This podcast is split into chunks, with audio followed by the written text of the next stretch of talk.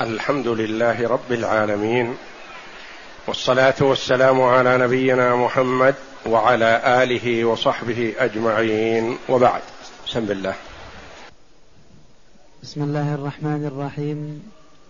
قال المؤلف رحمه الله تعالى باب أفضل الصيام وغيره. الحديث الحادي والتسعون بعد المئة. عن عبد الله بن عمر رضي الله عنهما قال نهى رسول الله صلى الله عليه وسلم عن الوصال. قالوا يا رسول الله إنك تواصل. قال إني لست كهيئتكم إني أطعم وأسقى. ورواه أبو هريرة وعائشة وأنس بن مالك رضي الله عنهم. ولمسلم عن أبي سعيد الخدري رضي الله عنه فأيكم أراد أن يواصل فليواصل إلى السحر. هذا الحديث رواه البخاري ومسلم وأهل السنن. عن عبد الله بن عمر بن الخطاب رضي الله عنهما قال نهى رسول الله صلى الله عليه وسلم عن الوصال. رحمة بالامه وشفقة عليهم لئلا يشق عليهم ذلك. قالوا يا رسول الله إنك توصل فأنت قدوتنا ونحن نقتدي بك ونريد أن نفعل مثل فعلك. قال إني لست كهيئتكم. لست مثلكم. إني أطعم وأسقى. أطعم وأسقى.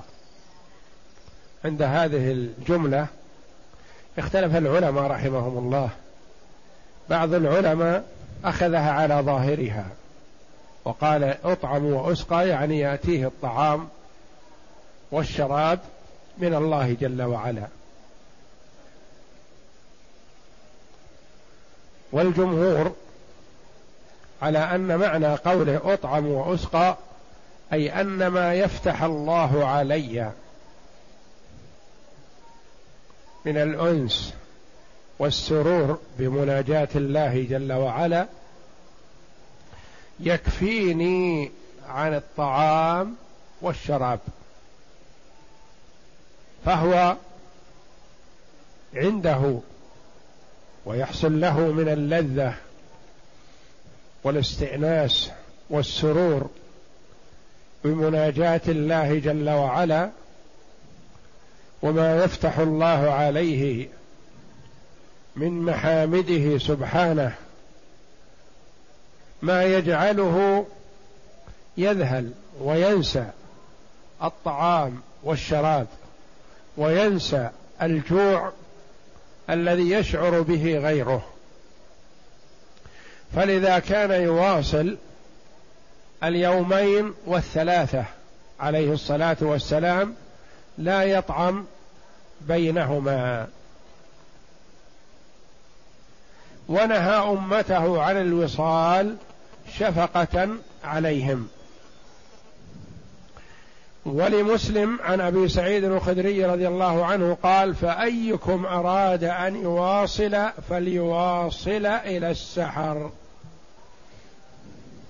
أيكم أراد أن يواصل؟ إذا كان ولا بد وترغبون المواصله فلتكن مواصلتكم إلى السحر فقط.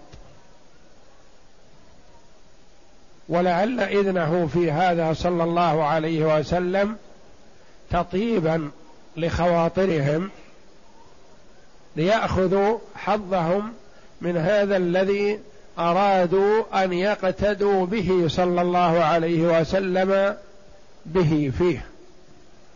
فأذن لهم بالمواصلة إلى السحر.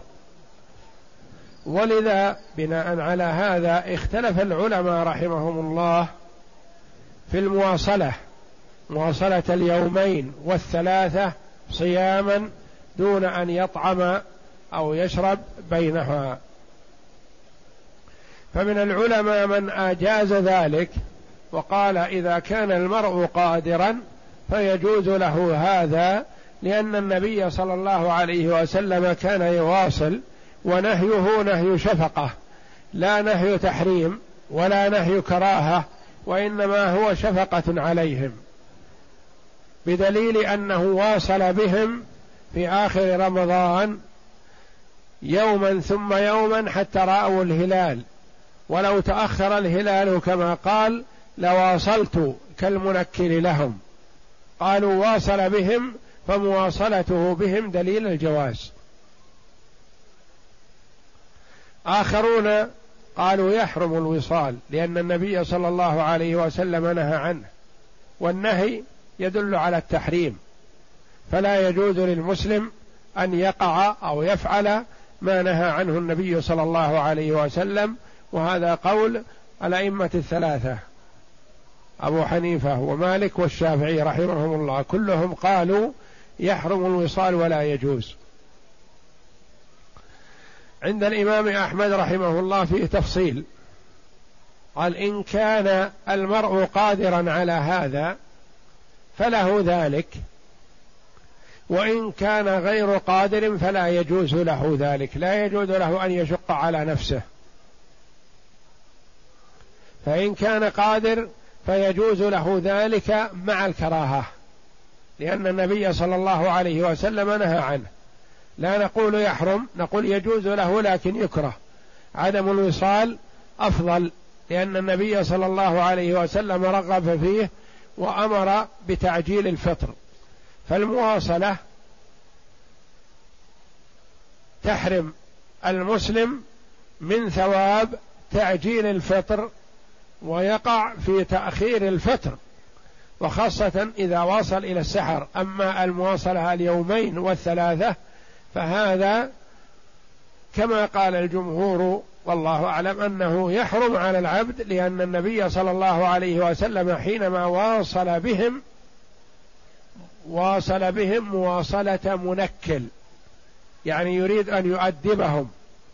لما ألحوا عليه بالمواصلة واصل بهم ليؤدبهم فلا يعود إليها مرة أخرى. نعم. المعنى الإجمالي الشريعة الإسلامية سمحة ميسرة لا عنة فيها ولا مشقة ومشرعها الحكيم يكره الغلو والتعمق. مشرعها صلى الله عليه وسلم النبي عليه الصلاة والسلام. نعم. لأن في ذلك تعذيبا للنفس وإرهاقا لها. والله لا يكلف نفسا إلا وسعها. ولأن التيسير والتسهيل أبقى للعمل وأسلم من السآم والملل. وفي كلما كان العمل ميسر سهل تكون النفس تشتاق إليه أكثر وتواظب عليه وتحافظ عليه. بخلاف إذا كان في مشقة فقد تكسل عنه أحيانا وتتوقف. نعم. وفيه العدل الذي وضعه الله في الأرض وهو إعطاء الله ما طلبه من العبادة. يعني لا تقصر في عبادة الله جل وعلا ولا تشق على نفسك لأن الله جل وعلا لا يريد منك أن تشق على نفسك ما لا تستطيعه. فاتقوا الله ما استطعتم. نعم. وإعطاء النفس حاجتها من مقوماتها. لهذا نهى النبي صلى الله عليه وسلم عن الوصال في الصيام وهو ترك ما يفطر بالنهار عمدا في ليالي الصيام. وكان صلى الله عليه وسلم لما أعطاه الله ما لم يعطه غيره يواصل الصيام. فقال الصحابة إنك تواصل ولنا فيك قدوة. وذلك قبل أن يعلمهم بميزته عليهم. فقال إني لست مثلكم لأني أبيت. يطعمني ربي ويسقيني وليس لكم هذا فتقوون على الوصال. وما دمتم راغبين في الوصال فمن وجد من نفسه قوة عليه ورغبة فيه فليواصل إلى السحر لأنه تأخير لعشائه فيكون طعامه في ليالي الصيام وجبة واحدة. يعني بدل ما يتعشى ويتسحر يجمعها جميع ويجعلها سحورا يتسحر. نعم. ومن حكم الصيام التخفف من الطعام. اختلاف العلماء اختلفوا في الطعام والشراب المذكورين على قولين. أحدهما أنه طعام وشراب حسي تمسكا باللفظ. وهذا بعيد والله أعلم. أنه لو كان طعام حسي ما كان مواصلة كان مفطر. ما دام يأتيه طعام من الجنة أو من الله جل وعلا ما يقال له صائم. لكنه الأقرب والله أعلم أنه القول الثاني. نعم. والثاني أنه يفيض على قلبه من لذة المناجاة والمعارف فإن توارد هذه المعاني الجليلة على القلب يشغله عن الطعام والشراب فيستغني عنهما. وهذا شيء محسوس. المرء إذا استأنس بصاحبه أو جليسه أو نحو ذلك نسي الطعام والشراب ولا يحس بألم الجوع أو العطش. نعم. ولو كان طعاما حسيا لم يكن مواصلا ولم يقل لست كهيئتكم. وقد بسط هذا القول فيه ابن القيم في الهدي. في الهدي النبوي المسمى كتاب زاد المعاد في هدي خير العباد. واختلفوا في حكم الوصال على ثلاثة أقوال. اختلفوا في الحكم من حيث الجواز والتحريم والكراهة. نعم. على ثلاثة أقوال محرم ومكروه وجائز مع القدرة. فذهب إلى جوازه مع القدرة عبد الله بن الزبير وبعض السلف كعبد الرحمن بن أبي نعم وإبراهيم بن زيد التيمي وأبي الجوزاء. وذهب إلى تحريمه الأئمة الثلاثة أبو حنيفة ومالك والشافعي.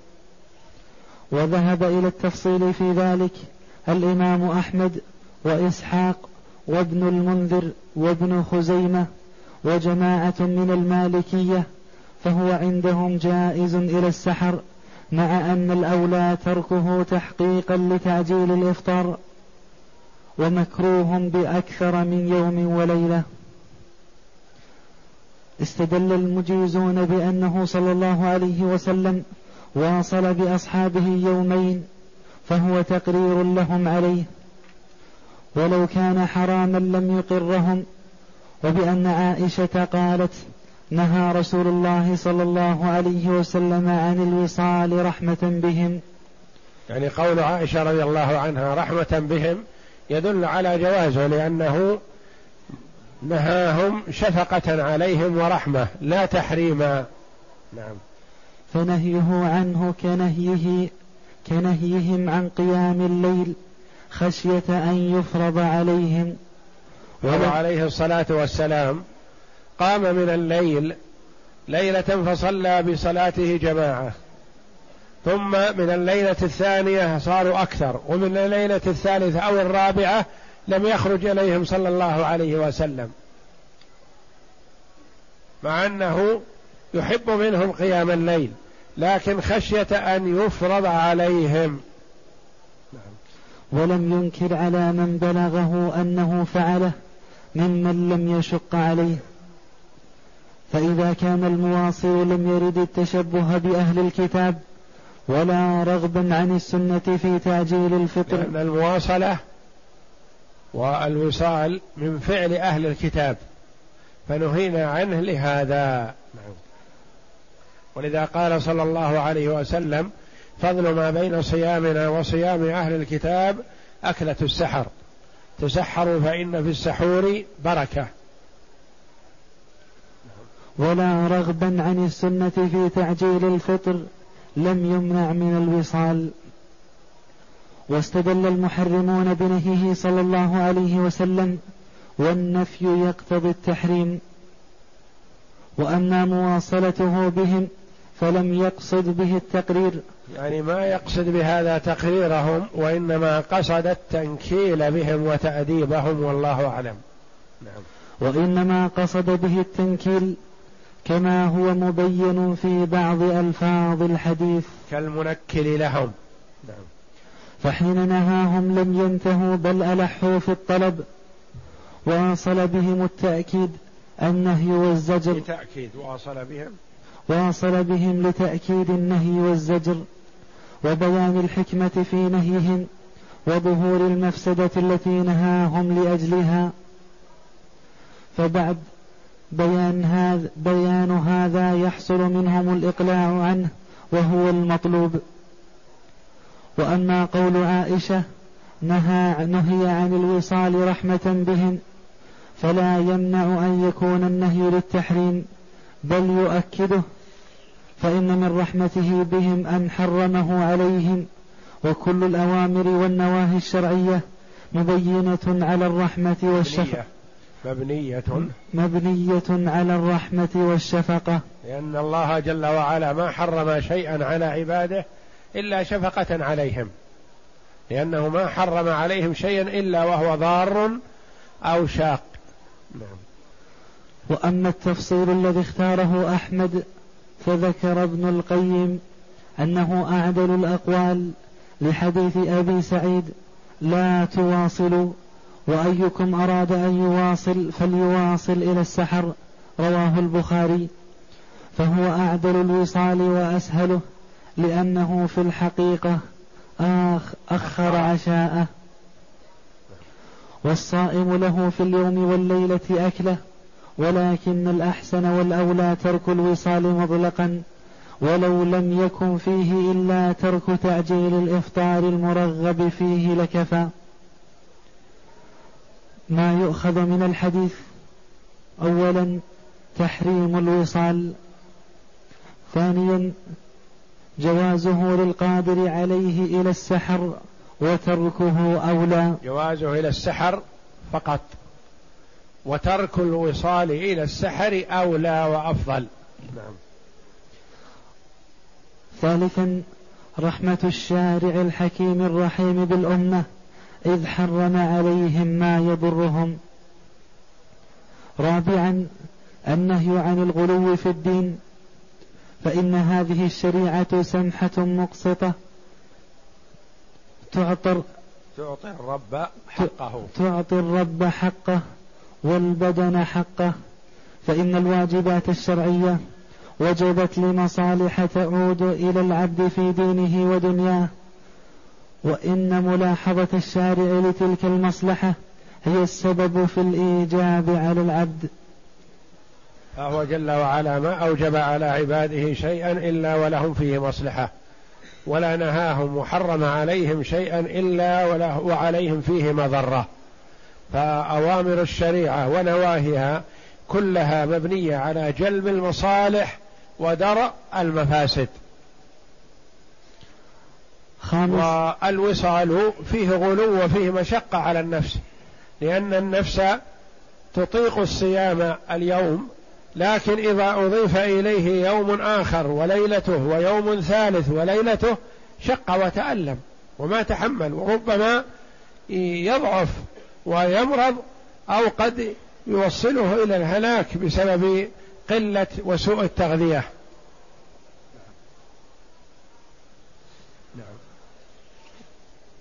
خامسا أن الوصال من خصائص النبي صلى الله عليه وسلم لأنه الذي يقدر عليه وحده ولا يلحقه أحد في هذا المقام. لأن الآخرين لا يشبهونه عليه الصلاة والسلام.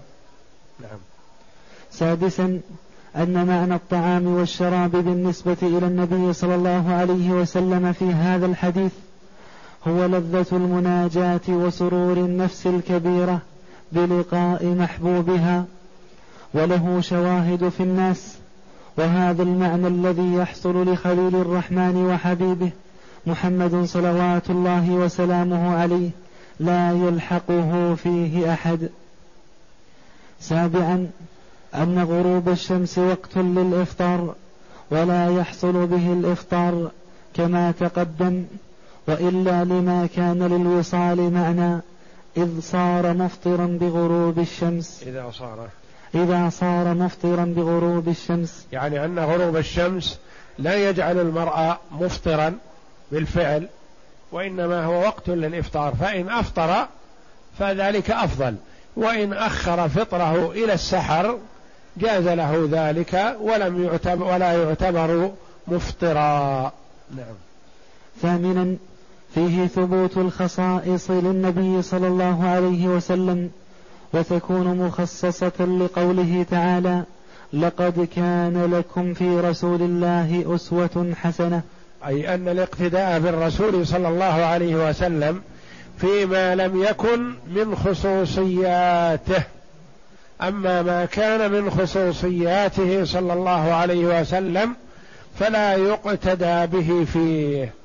فالله جل وعلا أباح له من النساء أكثر من أربع فلا يقتدى به في هذا وإنما الحلال للمسلم أربع فأقل ولا يحل له أن يزيد على الأربع خلافا لما تقوله بعض الطوائف الضالة في الاقتداء به في نكاحه صلى الله عليه وسلم أكثر من أربع. نعم. الحديث الثاني والتسعون بعد المئة. عن عبد الله بن عمرو بن العاص رضي الله عنهما قال أخبر النبي أخبر, أخبر, أخبر النبي صلى الله عليه وسلم أني أقول والله لأصومن النهار ولأقومن الليل ما عشت. فقال رسول الله صلى الله عليه وسلم أنت الذي قلت ذلك؟ فقلت له قد قلته بأبي أنت وأمي. قال فإنك لا تستطيع ذلك فصم وافطر ونم, ونم وقم وصم من الشهر ثلاثة أيام فإن الحسنة بعشر أمثالها وذلك مثل صيام الدهر. قلت إني لأطيق أفضل من ذلك. قال فصم يوما وافطر يومين. قلت إني لأطيق أفضل من ذلك. قال فصم يوما وافطر يوما وأفطر, وأفطر يوما. فذلك صيام داود عليه السلام وهو أفضل الصيام. فقلت إني لأطيق أفضل من ذلك. فقال لا أفضل من ذلك. وفي رواية قال لا صوم فوق صوم أخي داود عليه السلام شطر الدهر شطر, شطر الدهر فصم يوما وافطر يوما.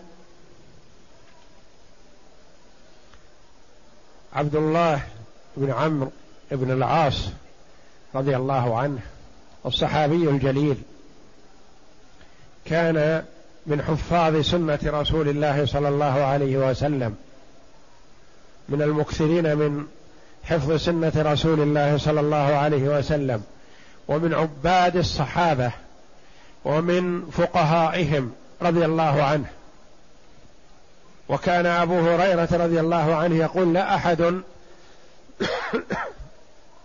يحفظ أكثر مني من حديث رسول الله صلى الله عليه وسلم إلا, إلا ما كان من عبد الله بن عمرو بن العاص فإنه يكتب ولا أكتب.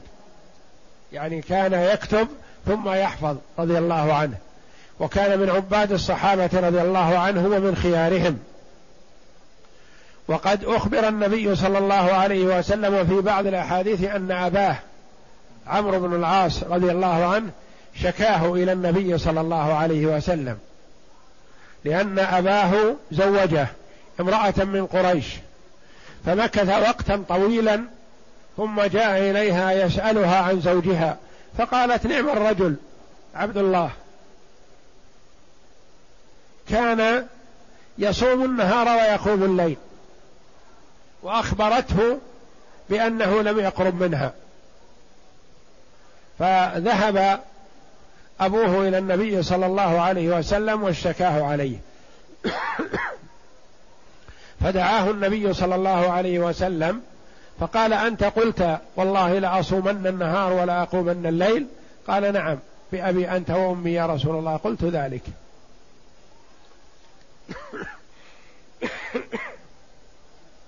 فقال إنك لا تستطيع. هذا في مشقة عليك.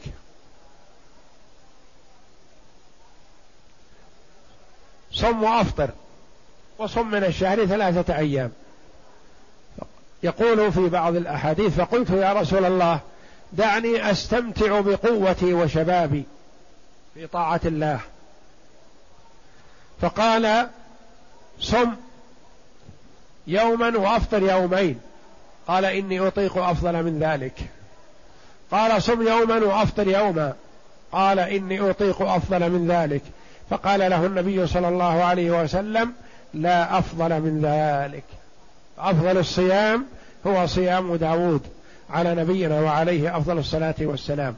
كان يصوم يوما ويفطر يوما ولا يفر إذا لاقى عليه الصلاة والسلام.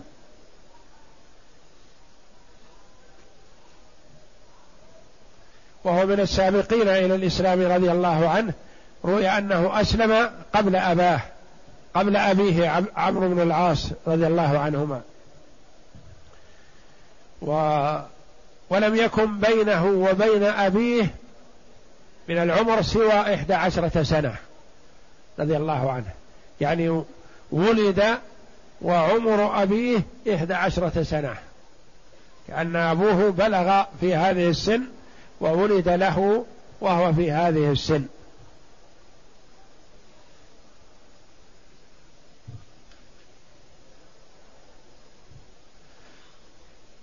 وهذا الحديث يدل على حرص النبي صلى الله عليه وسلم على الأمة وشفقته عليهم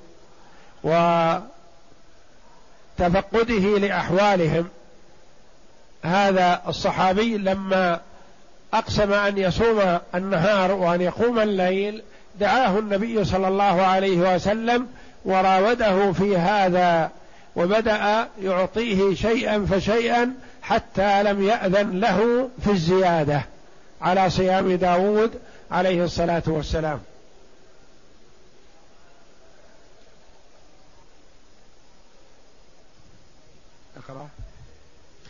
المعنى الإجمالي مجمل معنى هذا الحديث أن النبي صلى الله عليه وسلم أخبر أن عبد الله بن عمرو أقسم على أن يصوم فلا يفطر ويقوم فلا ينام كل عمره.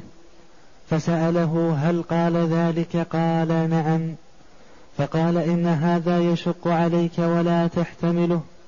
وأرشده إلى الطريق. وقد يحتمل في حال شبابه وقوته لكن في حال كبره إذا مد الله في عمره صعب عليه. وقد كان في آخر حياته رضي الله عنه يقول يا ليتني قبلت من رسول الله صلى الله عليه وسلم. يعني تنازلت عن صيام يوم وفطر يوم لأنه شق عليه. وكان رضي الله عنه أحيانا يفطر أيام متوالية ثم يقضيها يفطرها ليتقوى ثم يقضيها لئلا يخلف ما اتفق عليه مع النبي صلى الله عليه وسلم رضي الله عنه. نعم. وأرشده إلى الطريقة المثلى وهو أن يصوم بعض الأيام ويفطر بعضها ويقوم بعض الليل وينام بعضه وأن يصوم من كل شهر ثلاثة أيام ليكون كمن صام الدهر. فأخبره أنه يطيق أكثر من ذلك. وما زال يطلب الزيادة من الصيام حتى انتهى إلى أفضل الصيام وهو صيام داود عليه السلام وذلك أن يصوم يوما ويفطر يوما. وكذلك في الصلاة في قيام الليل رضي الله عنه قام ليلة بالقرآن كله. فدعاه النبي صلى الله عليه وسلم وقال اقرأوا القرآن في شهر. قال إني أطيق أفضل من ذلك. دعني يا رسول الله أستمتع بشبابي وقوتي. قال اقرأه في عشرين يوما. قال إني أطيق أفضل من ذلك. فتنازل معه إلى عشرة أيام ثم إلى سبعة أيام ثم إلى ثلاثة أيام وقال لا تقرأه في أقل من ثلاثة أيام. فطلب المزيد لرغبته في الخير رضي الله عنه فقال لا صوم أفضل من ذلك. ما يؤخذ من الحديث اولا رغبة عبد الله بن عمرو بن العاص في الخير وقوته فيه إذ أقسم على صيام الدهر وقيام كل الليل. ثانيا معرفة النبي صلى الله عليه وسلم مدى القدرة على العمل. وعاقبته إذ أخبره أنه لا يستطيع ذلك بمعنى أنه سيشق عليه وقد كان. فإن عبد الله تمنى في آخر أيامه أنه لو قام مع النبي صلى الله عليه وسلم على عمل يديمه ويقدر عليه. فهو توفي رضي الله عنه في سنة ثلاث وستين أو خمس وستين من الهجرة رضي الله عنه وأرضاه. وكان من عباد الصحابة رضي الله عنهم. ثالثا تقدير النبي صلى الله عليه وسلم العمل بقدر بقدر صاحبه. إذ قصر عبد الله أولا على ثلاثة أيام من كل شهر فلما طلب المزيد ورأى النبي صلى الله عليه وسلم فيه الرغبة والقدرة قال فصم يوما وافطر يومين. فلما أظهر الرغبة في طلب الزيادة أرشده إلى أفضل الصيام فقال فصم يوما وافطر يوما رابعا أن آخر حد للصيام الفاضل خامسا كراهة صيام الدهر لأنه مخالفة لقوله صلى الله عليه وسلم فصم وأفطر والحديث لا صام من صام الأبد سادسا سماحة هذه الشريعة حيث يكره فيها التعمق والتنطع ويطلب فيها السهولة واليسر لأنه أنشط على العمل وأدوم عليه. وهكذا ينبغي للمسلم أن يداوم على العمل الذي يستطيعه ولا يشق على نفسه فيثقل عليها العمل الصالح فيعالج نفسه عند محاولة الزيادة من الأعمال الصالحة تدريجيا شيئا فشيئا. فإذا تمكن من هذا ورأى يسره وسهولته عليه نقلها إلى ما هو أعلى. وهكذا تدريجيا حتى تشتاق إلى العمل وتؤديه باطمئنان وراحة وقبول ورغبة فيما عند الله جل وعلا. نعم. الحديث الثالث والتسعون بعد المئة. عن عبد الله بن عمرو بن العاص رضي الله عنهما قال قال رسول الله صلى الله عليه وسلم إن أحب الصيام إلى الله صيام داود وأحب الصلاة إلى الله صلاة داود كان ينام نصف الليل ويقوم ثلثه وينام سدسه وكان يصوم يوما ويفطر يوما. هذا الحديث دل عليه بالترجمة في قوله باب فضل الصيام وغيره أي أنه ورد في هذا الباب فضل الصلاة كذلك. هذا حديث عبد الله بن عمرو بن العاص رضي الله عنهما قال قال رسول الله صلى الله عليه وسلم إن أحب الصيام إلى الله صيام داود أحب اسمنا. وخبرها صيام. أحب الصيام إلى الله صيام داود. يعني هذا أفضل الصيام وأحبه إلى الله جل وعلا. وأحب الصلاة إلى الله يعني صلاة التطوع صلاة الليل. وأحب الصلاة إلى الله صلاة داود. كان ينام نصف الليل. ويقوم ثلثه وينام سدسه وكان يصوم يوما ويفطر يوما. فهذا أفضل عمل يؤديه المرء في الصلاة صلاة الليل والصيام صيام التطوع. الصيام يوما بعد يوم والصلاة ينام نصف الليل يعني أوله. ثم يقوم ثلث الليل ثم ينام سدسه من أجل أن يتقوى بهذه النومة الأخيرة على صلاة الفجر وما بعدها من عمل النهار. نعم. المعنى الإجمالي تقدم ذكر سماحة هذه الشريعة ويسرها فإن الذي خلق الثقلين لعباد لعبادته أحب أن يعبدوه بما يسهل عليهم بلا كلفة ولا مشقة.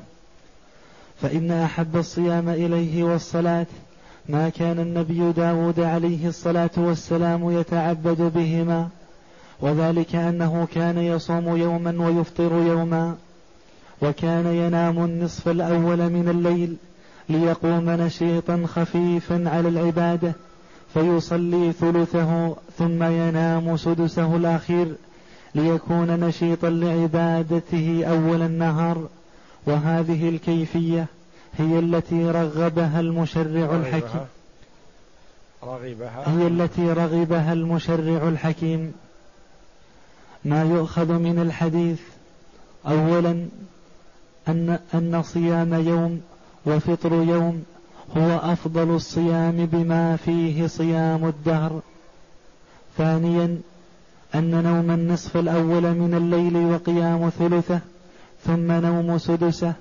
أفضل القيام لما فيه من أخذ النفس النفس حاجتها من الراحة أولا ثم القيام وقت النزول الإلهي ثم ذلك أن الله جل وعلا كما ثبت في الحديث الصحيح ينزل كل ليلة حين يبقى ثلث الليل الآخر إلى سماء الدنيا نزولا يليق بجلاله وعظمته فينادي هل من سائل فأعطيه هل من مستغفر فأغفر له هل من تائب فأتوب عليه إلى أن يطلع الفجر. ثم نوم السدس الأخير ليكون. ويؤمن بهذا الحديث ولا يكيف ولا يقال كيف ينزل فالله جل وعلا يفعل ما يشاء وله التصرف الكامل جل وعلا ولا يجوز أن تقاس أفعاله جل وعلا بأفعال خلقه. وإنما نؤمن بما ثبت في كتاب الله جل وعلا وبسنة رسول الله صلى الله عليه وسلم من صفات الباري جل وعلا سواء كانت صفات ذاتية كالسمع والبصر والقدرة أو فعلية كالنزول والاستواء والمجيء وغير ذلك من الصفات. نعم. ثم ينام السدس الأخير ليكون أنشط لصلاة الصبح وأذكاره. ثالثا أن العبادة أن المرأة إذا قام في اثناء الليل وطول القيام إذا جاء وقت صلاة الفجر إذا به قد ضعف. فإذا نام قبل صلاة الفجر قليلا ينشط لصلاة الفجر وما بعدها من الأذكار وعمل النهار وغير ذلك. نعم. ثالثا أن العبادة قسط وعدل فلا يغفل عن عبادته ولا يغلو فيها لأن لربك عليك حقا ولأهلك عليك حقا فآت كل ذي حق حقه. قال شيخ الإسلام ابن تيمية الشرع جاء بالعدل في كل شيء والإسراف في العبادات من الجور الذي نهى عنه الشارع وأمر بالإقتصاد في العبادات ولهذا أمر بتعجيل الفطر وتأخير السحور.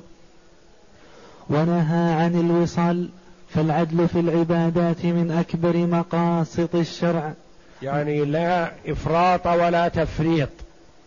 لا زيادة وتجاوز فيشق المرء على نفسه ولا يفرط في طاعة الله ويضيع نفسه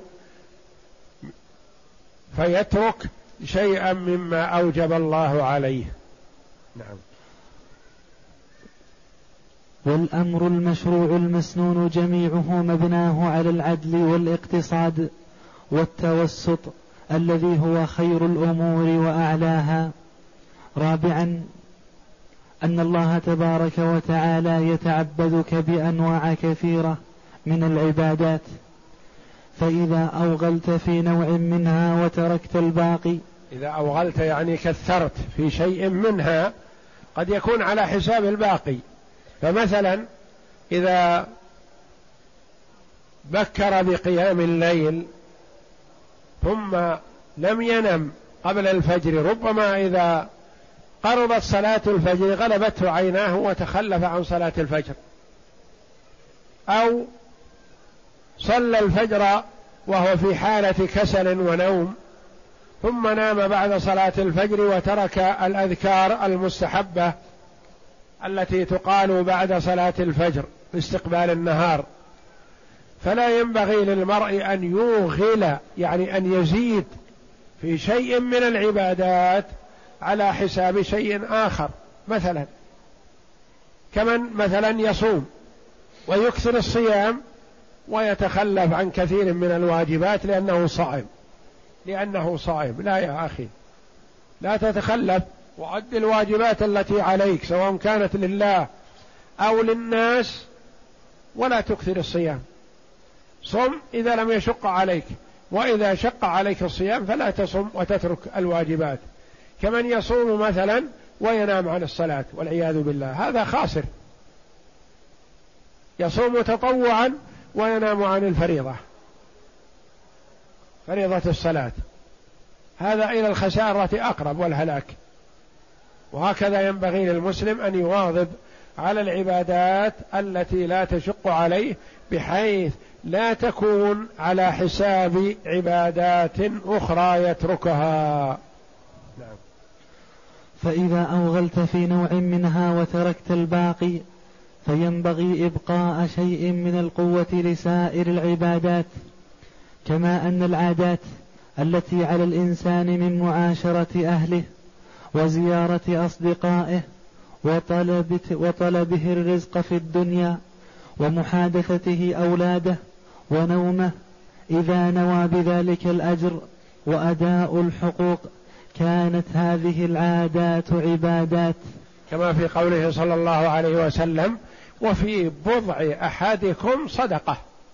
قالوا يا رسول الله يأتي أحدنا شهوته ويكون له فيها أجر يجامع زوجته ويؤجر؟ قال نعم. أرأيتم لو وضعها في الحرام أكان عليه وزر فكذا إذا وضعها في الحلال كان له آجر. فالعادات إذا احتسبها المرء أجر عليها كما روي عن عائشة رضي الله عنها أنها قالت إني أحتسب نومتي كما أحتسب قومتي. يعني تنام لتتقوى بنومها هذا على العبادة كما تحتسب عند الله جل وعلا قيامها للعبادة. وهكذا المرء مثلا يوانس أهله ويحادثهم ويستقبل ويزور أصدقاءه ونحو ذلك. كل هذا إذا احتسبه فإنه يؤجر به عند الله جل وعلا. ففضل الله واسع وبره كبير. نعم الحديث الرابع والتسعون. الحديث الرابع والتسعون بعد المئة. عن أبي هريرة رضي الله عنه قال أوصاني خليلي صلى الله عليه وسلم بثلاث صيام ثلاثة أيام من كل شهر وركعتي الضحى وأن أوتر قبل أن أنام. هذا الحديث وصية النبي صلى الله عليه وسلم لأبي هريرة كما وصى أبا ذر رضي الله عنه بهذه الوصية. ووصيته صلى الله عليه وسلم لفرد من أفراد الصحابة وصية للأمة قاطبة ما لم يكن خصوصيا لهذا الصحابي. وهذا العمل ليس خصوصيا لأبي هريرة فهو صلى الله عليه وسلم يوصي الأمة بصيام ثلاثة أيام من كل شهر لأن الحسنة بعشر أمثالها. فإذا صام ثلاثة أيام كأنه صام ثلاثين يوما فيكون كأنه صام الشهر كله. وإذا صام الشهر كله صام الدهر كله بصيام ثلاثة أيام من كل شهر. وهكذا ينبغي للمسلم أن يحافظ على هذا ولا يكن عهده بالصيام بنهاية رمضان وإنما يستصحب معه شيئا من صيامه رمضان لسائر العام فيواظب على صيام ثلاثة أيام من الشهر أو صيام الخميس من كل أسبوع أو صيام الاثنين أو الجمع بينهما صيام الاثنين والخميس كما كان النبي صلى الله عليه وسلم يحرص على صيامهما. صيام الاثنين والخميس وقال هما يومان تعرض فيهما العباد على الأعمال على الله وأحب أن يعرض عملي وأنا صائم. وركعتي الضحى مما وصى به النبي صلى الله عليه وسلم صلاة الضحى. وأقلها ركعتان وأكثرها ثمان ركعات. ووقتها من بعد طلوع الشمس وارتفاعها قدر رمح يعني بعد طلوع الشمس بعشر دقائق تقريبا إلى أن تقف الشمس في وسط السماء يعني قبيل وقت صلاة الظهر بدقائق قليلة. كل هذا وقت لصلاة الضحى وأفضله حين تشتد حرارة الشمس. لقوله صلى الله عليه وسلم صلاة الأوابين حين ترمض الفصال. يعني تشتد حرارة الرمضة على الفصيل فتجده يضع رجلا ويرفع أخرى بجوار أمه من حرارة الشمس. وأن أوتر قبل أن أنام أوصاهما بأن يوتر قبل أن يناما. و والنبي صلى الله عليه وسلم كان أكثر وتره في السحر آخر الليل. تقول عائشة رضي الله عنها من كل الليل اوتر رسول الله صلى الله عليه وسلم من أوله وأوسطه وآخره وانتهى وتره إلى السحر. فكيف الجمع بينهما؟ نعم. من يثق من نفسه القيام فوتره آخر الليل أفضل لأنه فعل النبي صلى الله عليه وسلم. ومن لا يثق من نفسه القيام يخشى أن لا يقوم فليوتر قبل أن ينام حتى يطمئن على وتره. ثم إن أوتر قبل أن ينام ثم قام فيصلي ما تيسر له بدون وتر. لقوله صلى الله عليه وسلم لا وتران في ليلة. فالأفضل أن يوتر قبل أن ينام هذا في حق من لا يثق من نفسه القيام. أما من يثق من نفسه القيام فتأخيره آخر الليل أفضل. ثم إذا أخر الوتر ولم يقم له فيستحب له أن يقضيه نهارا ضحى شفعا لا وترا. إذا كان يوتر بثلاث فيقضيه ركعتين ركعتين أربع ركعات وإن كان يوتر بخمس فيقضيه ركعتين ركعتين ركعتين ست ركعات. وإن كان يوتر بوتر النبي صلى الله عليه وسلم إحدى عشرة ركعة أو ثلاث عشرة ركعة فيصليه اثنتي عشرة ركعة أو أربع عشرة ركعة. يعني يجعله شفعا لا وترا فلا يوتر ضحى وإنما يقضي الوتر ضحى شفعا لا وترا نعم. المعنى الإجمالي اشتمل هذا الحديث الشريف على ثلاثة وعلى ثلاث وصايا نبوية كريمة. الأولى الحث على صيام ثلاثة أيام من كل شهر لأن الحسنة بعشرة أمثالها فيصير صيام ثلاثة الأيام كصيام الشهر كله. والأفضل أن تكون الثلاثة الثالث عشر والرابع عشر والخامس عشر كما ورد في بعض الأحاديث وفي تخصيصها بهذه الأيام فوائد طبية. الثانية أن يصلي الضحى. يعني الأفضل أن تكون أيام البيض وأيام البيض هي الثالث عشر والرابع عشر والخامس عشر. وسميت أيام البيض وليالي البيض لأبيضاض ليلها. بكون القمر بدرا. نعم. الثانية أن يصلي الضحى وأقلها ركعة لا سيما في حق من لا يصلي من الليل. كأبي هريرة الذي اشتغل بدراسة العلم أول الليل. وأفضل وقتها ارتفاع الضحى حين ترمض الفصال كما جاء في حديث آخر. الثالثة أن من لا يقوم آخر الليل فليوتر قبل أن ينام كي لا يفوت وقته. وكانت هذه الوصية في حق أبي هريرة وأمثاله ممن ينامون عن الوتر آخر الليل. يعني ما يثق من نفسه القيام آخر الليل لأن أبا هريرة رضي الله عنه كان يدرس ويذاكر الحديث الذي سمعه من النبي صلى الله عليه وسلم فربما نام متأخرا ثم لا يستيقظ للوتر آخر الليل فوصاه النبي صلى الله عليه وسلم بأن يوتر قبل أن ينام. نعم. الثالثة ألا أن من لا يقوم آخر الليل فليوتر قبل أن ينام كي لا يفوت وقته. وكانت هذه الوصية في حق أبي هريرة وأمثاله ممن ينامون عن الوتر آخر الليل. ما يؤخذ من الحديث. أولا استحباب صيام ثلاثة أيام من كل شهر والأولى أن تكون الثالث عشر والرابع عشر والخامس عشر. وقد ورد في تعيينها حديث قتادة بن ملحان الذي أخرجه أهل السنن. قال كان رسول الله صلى الله عليه وسلم يأمرنا أن نصوم أيام البيض ثالث, عش ثالث عشرة. ورابع عشرة وخامس عشرة وقال هي كهيئة الدهر.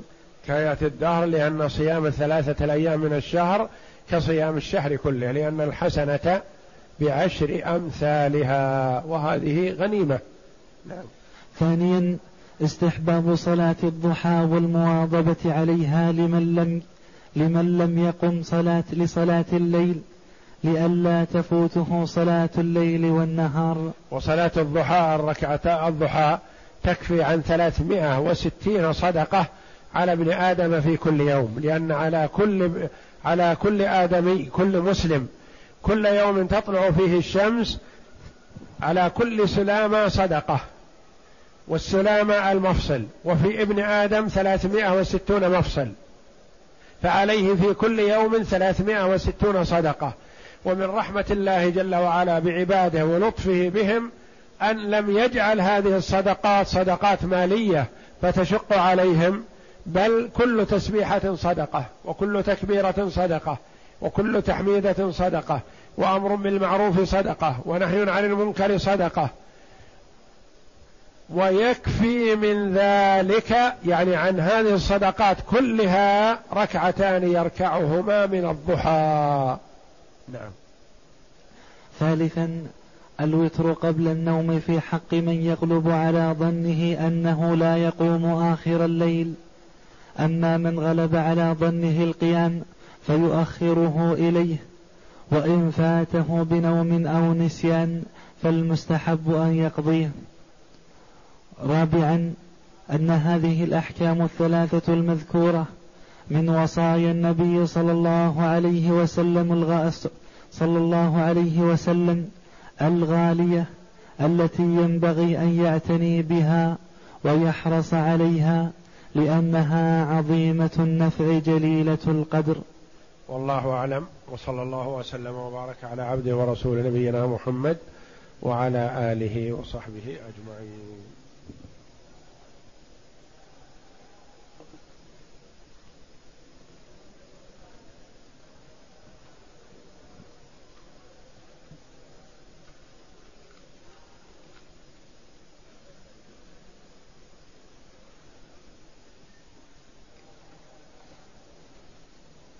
يقول السائل رجل له بنت رضعت من ابنة أخيه هل الراضعة تحرم على إخوان المرضعة وأبناء عمها؟ يحرم من الرضاعة ما يحرم من النسب. فإذا رضعت المرأة الطفلة من امرأة أصبحت بنتا لها وبنتا لزوجها وبنتا لأبويها ولأبوي زوجها و أختا لأولادها من زوجها هذا ومن غيره ولأولاد زوجها منها ومن غيرها من النساء. فهي أصبحت بنتا لهذا الرجل وبنتا لهذه المرأة.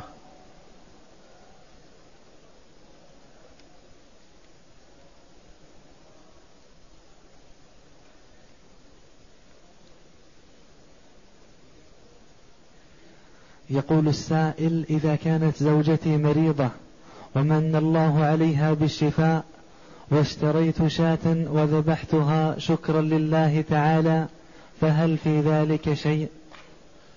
لا بأس بهذا لأن ما دامت الذبيحة لوجه الله جل وعلا وشكرا لله تعالى فهذا من شكر النعمة.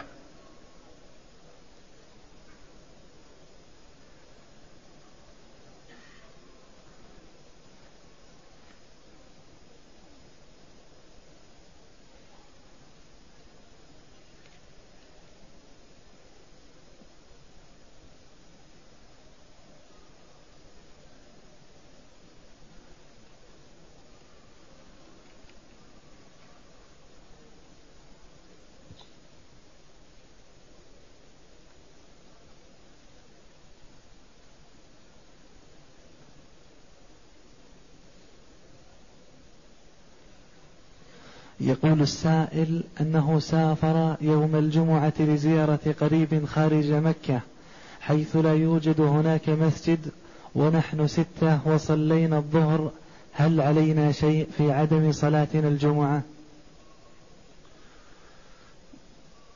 سفر المسلم يوم الجمعة أول النهار وتركه صلاة الجمعة مكروه ويحرم عليه السفر بعد الزوال. فإذا سافر بعد الزوال وصلى الجمعة في مكان آخر فلا بأس بذلك ويكره له أن يسافر قبل الزوال. فإذا سافر قبل الزوال ولم يجد مسجدا يصلي فيه الجمعة وصلى ظهرا فصلاته حينئذ صحيحة لكنه يكره له تعمد السفر يوم الجمعة. وكان النبي صلى الله عليه وسلم كثيرا ما يحرص على السفر والخروج يوم الخميس.